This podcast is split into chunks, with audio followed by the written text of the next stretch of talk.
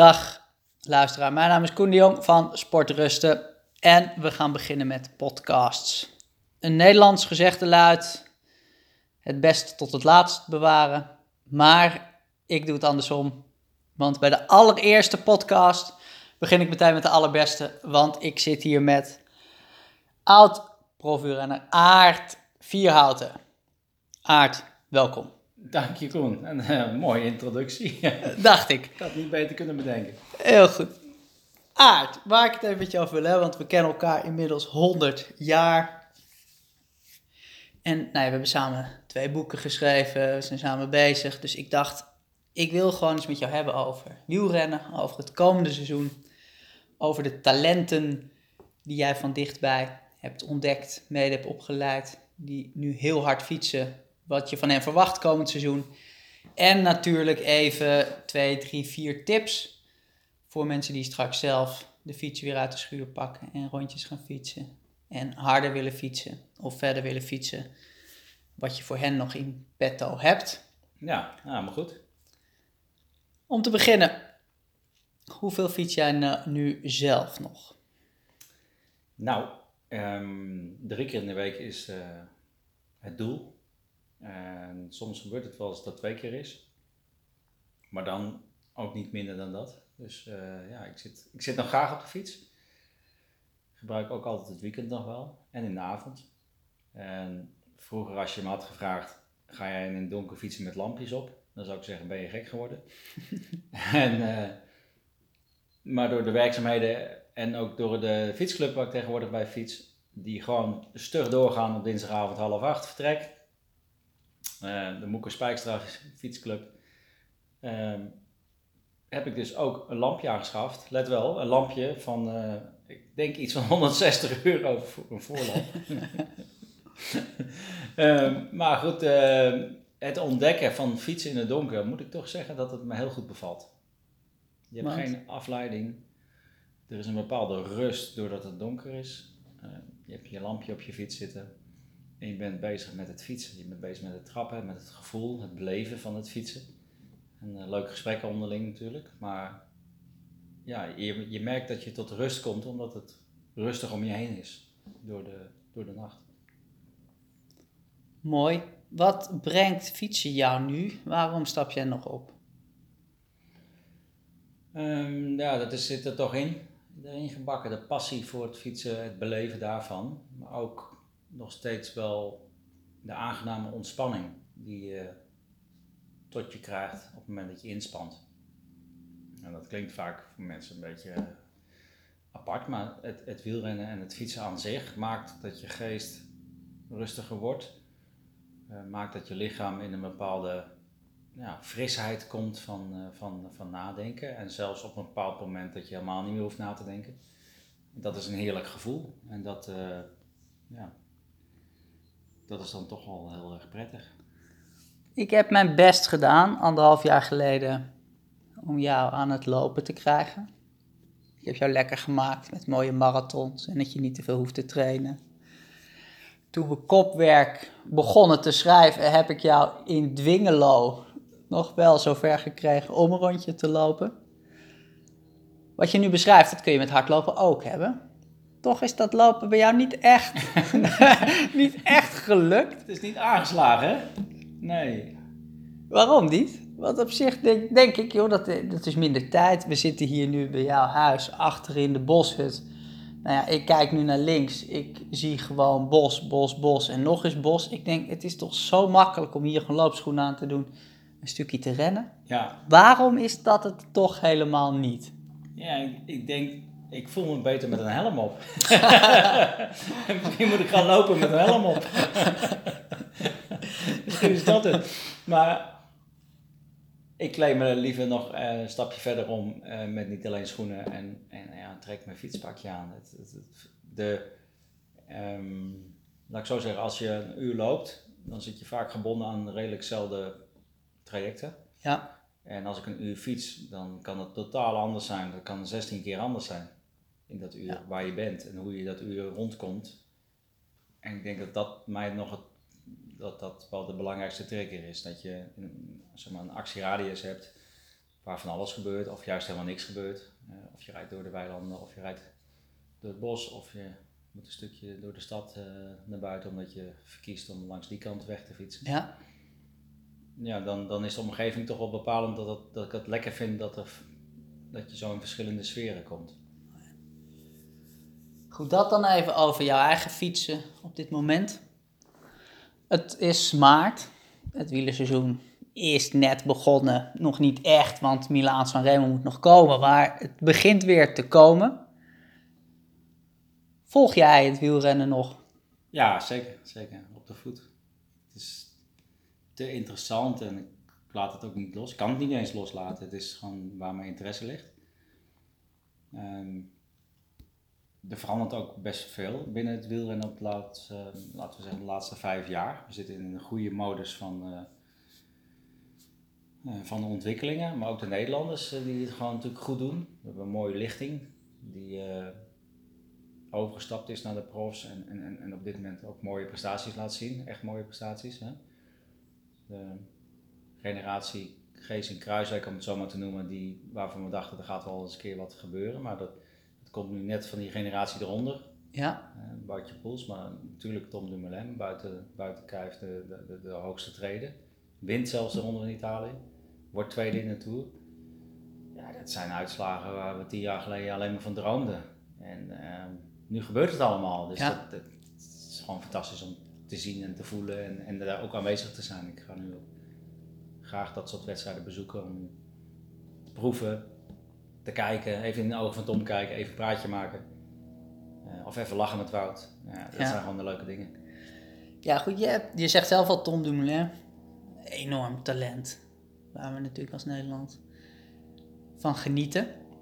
Is dat voor jou nu nog extra bijzonder? Niet dat het een Nederlander is, niet dat het een wielrenner is, maar toch ook. Want je noemt het niet zelf, want daar ben je te bescheiden voor. Maar je bent toch echt wel een van de aller, aller, allereerste geweest die dat talent zag. En ook een podium gaf, want je was toen bondscoach bij de junioren en belofte. Dus jij hebt Tom Dumoulin al heel jong meegenomen naar rondes, naar wedstrijden, omdat jij zag, dit is een bijzondere. Ja, ik werd dan bondscoach gelijk nadat ik stopte. Dat betekent ook dat te weinig kijk had en kennis had van de huidige mensen die, de huidige jongens die op dat moment actief Mhm. waren als eh belofte renners. En jongens van 19 tot 23 jaar. En ook daaronder, 17, 18. En waardoor ik me gewoon gefocust heb op een grotere groep en ook eh, ploegleiders heb aangeschreven, joh. ehm, is er een bijzondere iemand? Is er iemand in jullie team waarvan je vindt dat hij in de nationale selectie moet of de kans moet krijgen om zich te ontwikkelen in het buitenland of bergop beter moet ontwikkelen? Laat het me weten. Ehm, ik ga ze uitnodigen en we gaan lekker trainen vanaf eh, 1 januari iedere woensdag op Papendal.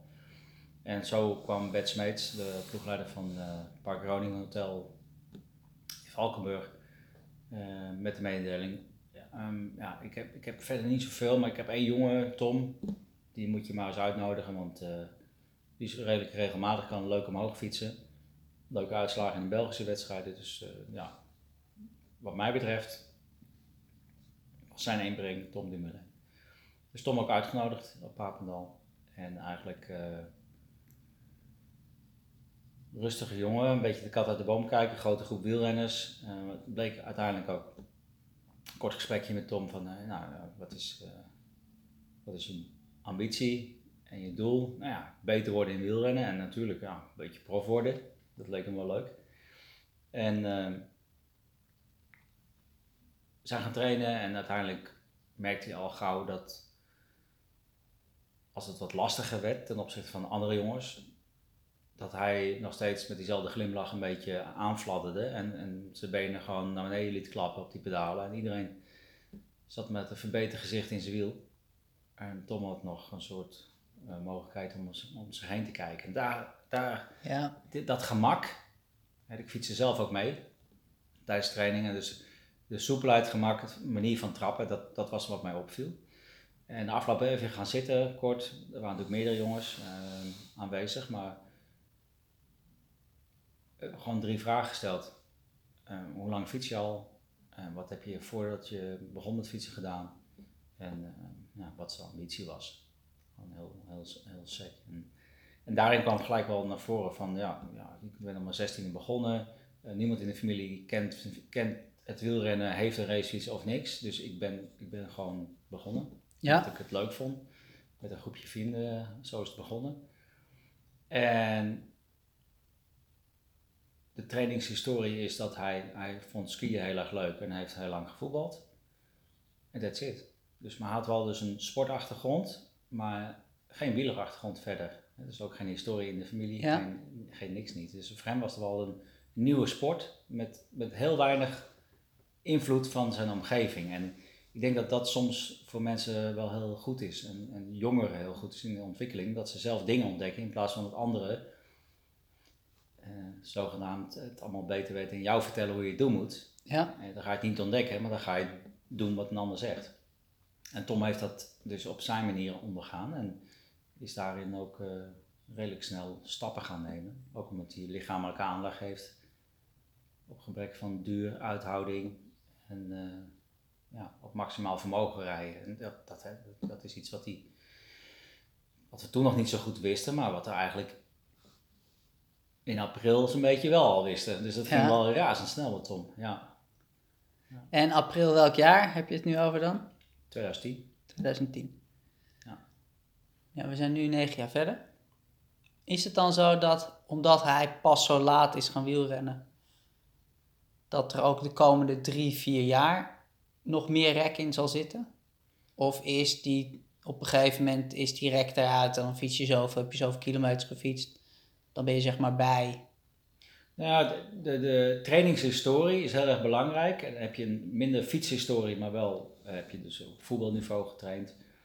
Eh, dat betekent intervallen, waar hij dan wat hij makkelijker aankon. Ehm, hij heeft ook wel een snelle aanzet na een bocht, bijvoorbeeld. Eh, hij kan, als, als het moet, kan hij ook goed aankomen. Beter dan dat hij zelf denkt. Ehm, dus dat, dat bezit hij al, dat train je als jeugd al. Dat, dat zit dan in je als je, dat, als je op voetbal zit.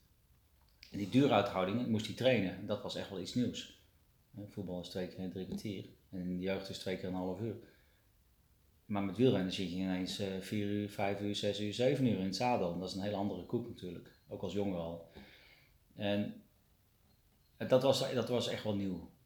En, da- en daar moest hij even mee leren omgaan. Maar eenmaal dat in gang gezet werd, zag je wel dat dat lichaam dat snel ja, eigenlijk absorbeerde als een spons. En, eh, dat hij daar heel snel en goed op reageerde. Dus dat, ja, dat, die ontwikkeling die hij vooral zelf in zijn hoofd had zitten van ik wil daar naartoe en dat is mijn goal. Dat was vooral eh, zijn sterke kracht en dat zie je nu nog steeds. En ik denk nu na al die jaren, er zit echt nog wel rek in, want zijn, een van zijn mooiste prestaties vorig jaar vond ik toch die vierde plek op het wereldkampioenschap. Op zo'n lastig parcours. In een eendagswedstrijd. Dat stemt mij wel dat er nog meer aan zit te komen voor hem. Dus hij- Tom is nog niet op zijn top. Die top die komt nog.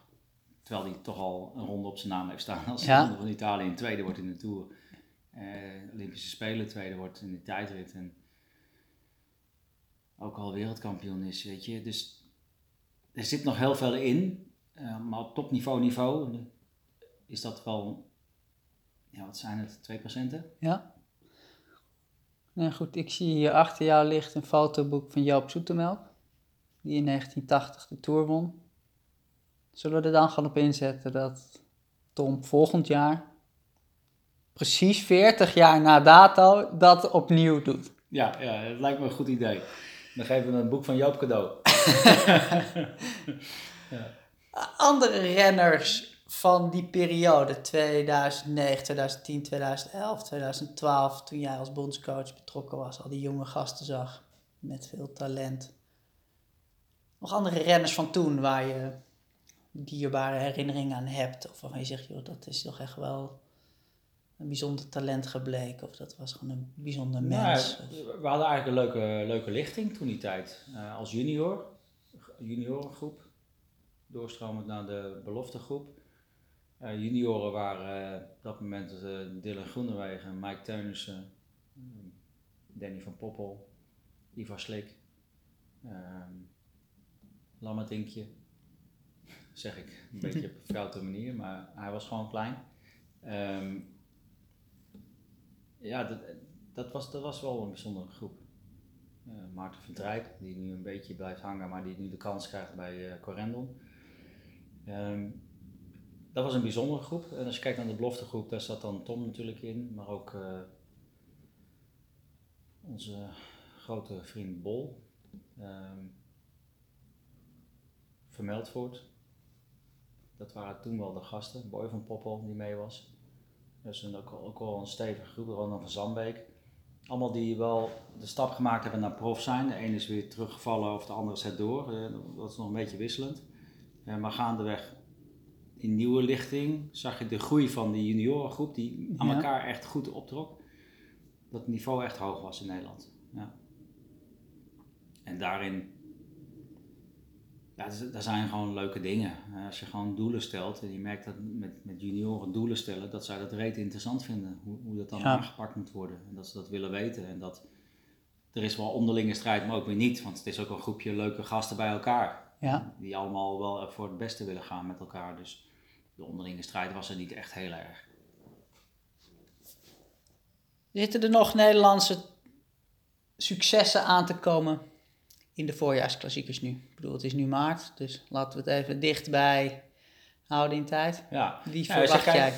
Als je kijkt uh, naar die groep die eigenlijk toen junior was en nu prof zijn allemaal, um, dan ben ik misschien wel uh, een van de toppers vergeten net te noemen. Dat is Dylan van Baarle. Die heeft dan jammer genoeg net een operatie aan zijn hand ondergaan, vorige week, iets gebroken. Uh, lijkt mij dat het, ik weet niet exact uh, de, de blessure, maar het lijkt mij onmogelijk dat hij nog de klassiekers mee gaat strijden. Want je kunt je voorstellen over de kasseien, wat hij graag doet en wat hij goed in is, ja. uh, dat dat parten speelt. Anderzijds, uh, doordat hij dan nu dit niet kan doen, kon hij wel eens geweldig uit gaan pakken straks als hij daarvan genezen is. Ja. Omdat hij net dat beetje extra rust krijgt nu, waar hij anders ongelooflijk diep zou gaan voor die overwinning. Uh, ik vond het wel heel jammer, want hij had natuurlijk een fantastische campagne achter de rug met een winst in Australië. Dus hij stond bij mij echt wel op de verlanglijst voor Vlaanderen, ja. bij de winnaars. En of dat gaat halen, dit gooit denk ik net even te veel roet in het eten daarvoor. Dus uh, ja, dat, dat is lastig. De andere jongen is Mike Teunis, die het gewoon heel goed doet. Vorig jaar uh, grote stappen gemaakt, aansluiting bij de top 10. En het zou mooi zijn als hij nu aansluiting blijft behouden bij die top 10, maar dan nog een keer ietsje dieper in de finales uh, in de monumenten als Vlaanderen en, en Roubaix. Nu, uh, ik meen twee keer elfde vorig jaar. Ja, dat hij nu net als stapje wel zet. Ja, was natuurlijk tweede in, uh, in dwars door België. Ja. Dus ja, die, dat is een interessante, interessante ontwikkeling hoe Mike dat gedaan heeft. eerst starten bij Lotto Jumbo, naar Sunweb en nu terug naar Jumbo. Een ehm, beetje gedeelde kopmanschap. Hoewel ik wel gezien heb dat ik denk dat Van Aert niet zo goed is als afgelopen jaar. En dat, uh, dat het iets meer vrijheid geeft aan Mike straks. Dus uh, ik ben wel benieuwd. Dus, uh, het, wordt wel, het ziet er wel een beetje spannend uit ja. wat er gaat komen. En we moeten nog even geduld hebben, maar het komt er bijna aan. mensen die luisteren en nou ja, zelf niet de ambitie hebben om profielrenner te worden, maar gewoon lekker twee, drie, vier keer in de week naar buiten gaan, op de fiets stappen. Voor die groep zit het seizoen natuurlijk ook weer aan te komen. De klok gaat zo terug. Het is weer wat langer licht. Het wordt weer lekker weer. Voor die groep wielrenners hebben we kopwerk geschreven. Kopwerk uh, is vorig jaar in november uitgekomen. Krijg jij ook van die leuke reacties op dat boek? Ja, alleen maar. Ja, alleen maar eigenlijk. Uh, van uh, heel divers, van, van nooit geweten en uh, ik ga gelijk beginnen, tot eh, had ik het maar eerder geweten. En de combinatie wat wij voor ogen hadden toen wij anderhalf jaar geleden begonnen en nadenken en hoe we het wilden in boekvorm, kennis delen, leuke dingen delen, eh, wat anekdotes uit mijn carrière, maar of, of ook uit andere mensen in onze omgeving, waar wij allemaal wat, eh, allebei zeker wat mee hebben. Ehm, ik denk dat die, eh, die rode draad goed gelukt is. Met uitleg over je brein, waar, waar, waar eigenlijk alles ontstaat. Dat je een beetje snapt hoe dat functioneert, omdat het brein je heel erg veel brengt. En, maar dat het ook je niet kunnen kan verklaren op bepaalde zaken. Dan natuurlijk die geweldige tocht door de ademhaling heen, eh, waarin jij geweldig beschrijft. En een veel diepere plons maken we met, met duidelijk waar dingen vandaan komen, waar ademhaling uiteindelijk een heel belangrijke factor kan worden in je leven. Ehm, maar ook een hele simpele factor, doordat je merkt dat je daar iets mee kan doen. Je kunt jezelf controleren, je kunt jezelf tot rust brengen, waar je niemand bij nodig hebt. Alleen jij en je ademhaling. En dat, dat is gewoon fantastisch. En wanneer je dat door hebt, kun je vervolgens in de training weer een stapje maken, zonder harder te trainen, toch beter worden en je lekkerder voelen op je fiets. Toch net iets harder een klimmetje oprijden en minder kapot zijn. Dat, is, dat is eigenlijk waar je, wat, wat wielrennen zo mooi maakt. Dat je die kleine uitdagingen voor jezelf zoekt. Je hoeft echt niet de beste te worden, je hoeft echt niet ehm, iedereen eraf te rijden, maar voor jezelf een lekkere klim oprijden, ja, dat, dat is eigenlijk waar het om draait. Ja, en die, ik ben natuurlijk blij dat jij meteen over die ademhaling begint nu. Want ja, daar ben ik zelf groot fan van met verschillende oefeningen en dingen. Maar wat, eh, welke ademhalingsoefening gebruik jij zelf nu gewoon? Neus in, eh, mond uit. That's it. That's it. Dat geeft mij de meeste rust. Wanneer doe je die oefening? Iedere dag. Nog bepaalde momenten dat je denkt, ja, dan komt die eigenlijk altijd wel voorbij. Of Nou, als ik, als ik even dreig weg te dwalen als ik aan het werk ben, dat ik even focus moet hebben. En dan neem ik even de tijd ervoor. En dan ehm, is mijn blik even niet op het scherm en dan ga ik even rustig, ga ik er rustig voor zitten. Ja. En dan duurt het niet heel erg lang, maar dan, dan voel ik weer dat ik in een, in een, in een bepaalde rust kom. En dan eh, afkom en dan, eh, dan kan ik ook, ga ik weer goed concentreren en dan volgen de letters vanzelf, zeg maar. Ja. Of dan komt het idee sneller tevoorschijn in tekst. Dat, dat helpt altijd. En op de fiets is dat het eerste wat ik doe. Eh, dus wat we ook beschrijven natuurlijk, eh, hoe jachtig het leven al is. En je wil ook nog sporten en je hebt ook nog je gezin en je hebt ook nog allerlei andere verplichtingen. Maar ja, dat anderhalf uurtje wil je toch echt eventjes buiten spelen op de fiets. En dat je dan niet vergalopeert door hurry, hurry, hurry in de auto, hurry, hurry uit de auto. Naar binnen toe, omkleden als een gek, eh, Ja. pak de fiets tevoorschijn en op je fiets springen en wegrijden. Maar dat je dan net even op tijd halt roept en zegt, oké, fiets klaar, schoenen aan. Ballonnetje gevuld, helm op, even zitten, rustig. En dan op je fiets stappen. En dat, dat moment, wat steeds voor mij nog altijd geldt en wat werkt, dat- ik weet zeker dat het voor iedereen toepasbaar is. En Ja. dat- maar dat iedereen net die achtergrond waarom je dat zou moeten doen, ja, dat, dat beschrijven wij fantastisch. En ik denk dat dat, eh, dat gun je iedereen eigenlijk. Ja. Mooi. Die als laatste nog even eh, wat tips voor wielrenners. Want ik heb. eh, ik, krijg wel eh, vaak mailtjes, vragen van mensen. En veel van die vragen die zijn toch samen te vatten in gewoon het gegeven. Joh, ik rij nu mijn rondje. Ik fiets 28 km per uur gemiddeld. Mijn vrienden of vriendinnen op de fiets die lijken daar wat makkelijker mee om te gaan dan ik. Die willen eigenlijk wel 30 of 32 km per uur gemiddeld fietsen. Dus of ik moet ze laten gaan, of ik rijd de hele training met mijn tong uit mijn smoel ontzettend diep te gaan. En ik ben de eerste die er vanaf ligt. Dus wat ik het liefste heb, is ik wil gewoon het trainen zodat ik 2, 3, 4 kilometer per uur harder kan fietsen straks. Ja. Voor deze groep wielrenners heb je daar nu twee, drie tips voor waar je zegt, joh, doe dat nou sowieso, want daar word je gewoon sneller en sterker van. Ja, nou ja, tip 1 is je ademhaling. En dat wil zeggen dat je je ademhaling in rust al onder controle hebt. Dan kun je dat in, tijdens de inspanning ook beter controleren.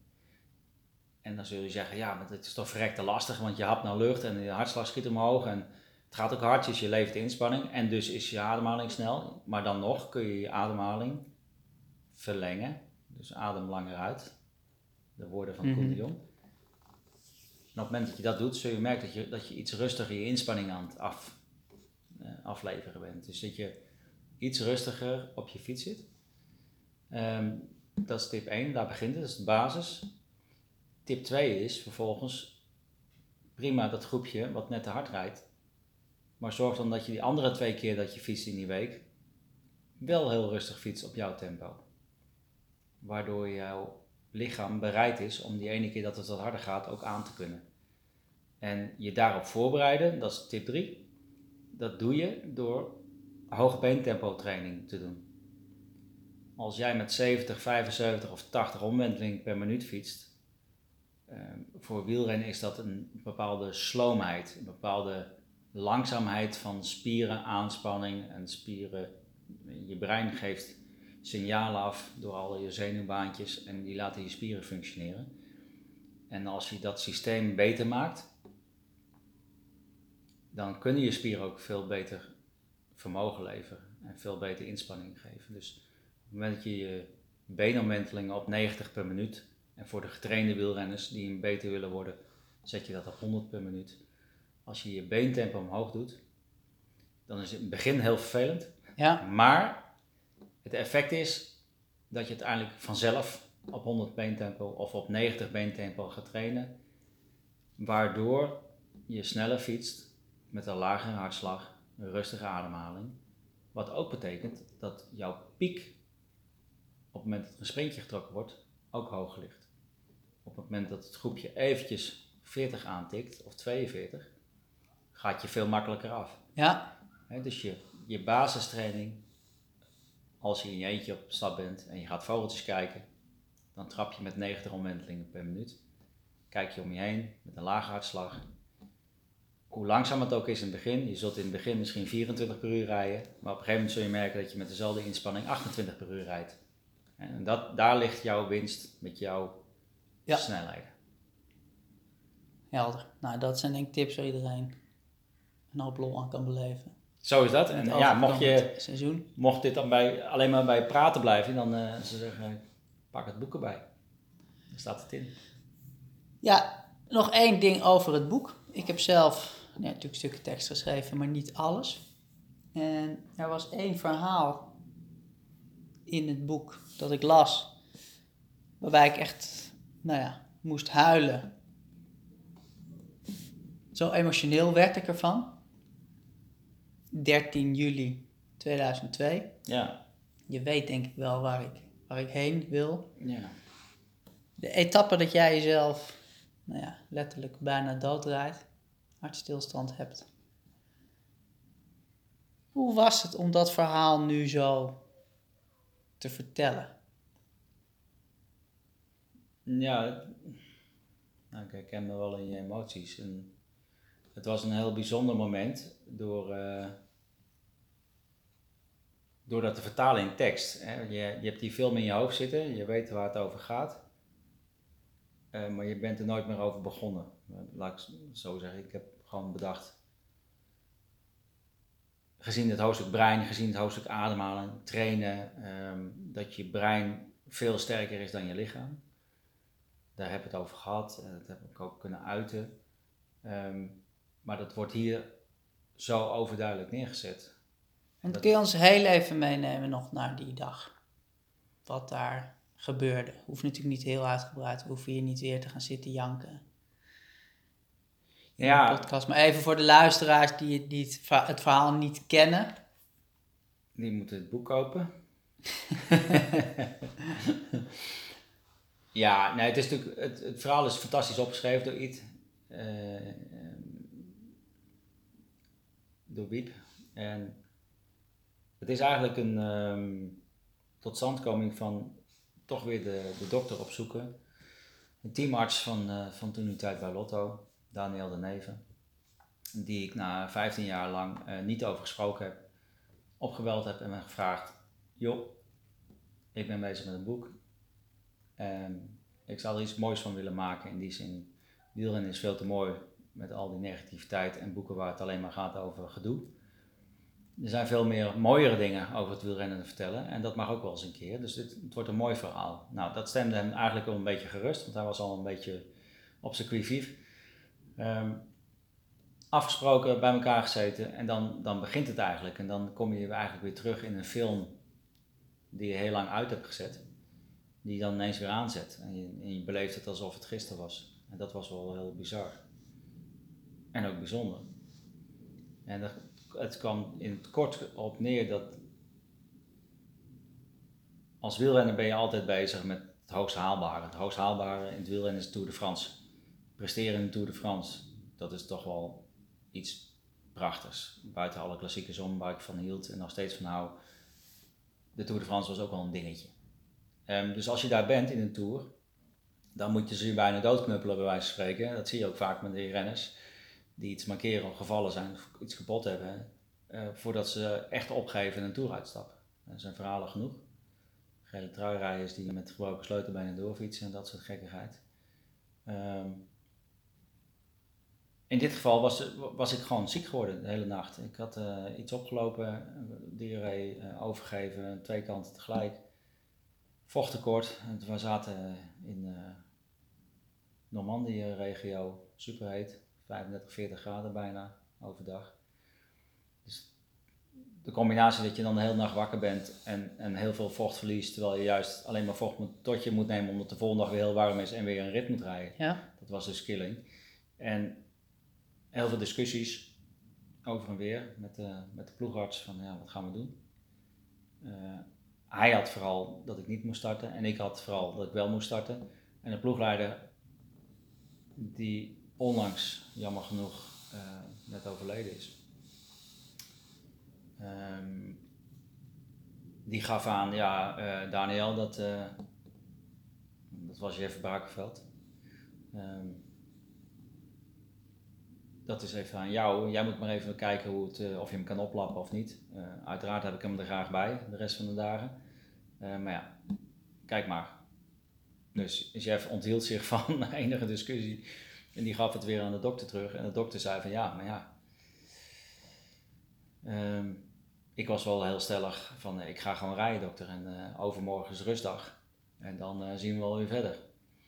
En dan beslissen we hoe dan. En, en, ik dacht alleen maar, ik moet die dag doorkomen. En vanavond voelt me al weer een stukje beter. Dan kan ik weer wat eten en drinken en dan komt het wel weer goed. Jezelf voor de gek houden heet dat. In gewoon Nederlands. uh, en dat is ook wel gebleken. En, en ja, uiteindelijk de, de, de reden van de arts om, om wel mij te laten starten was puur gericht op van nou die haalt de eerste 10 kilometer niet. Dan stapt hij af, want hij voelt zich zo beroerd. En dan is het klaar en dan in de auto en dan is het een soort van natuurlijke afvloeiing. Eh, maar op een of andere manier had hij toch vergist en ik hoorde dat ook later van hem.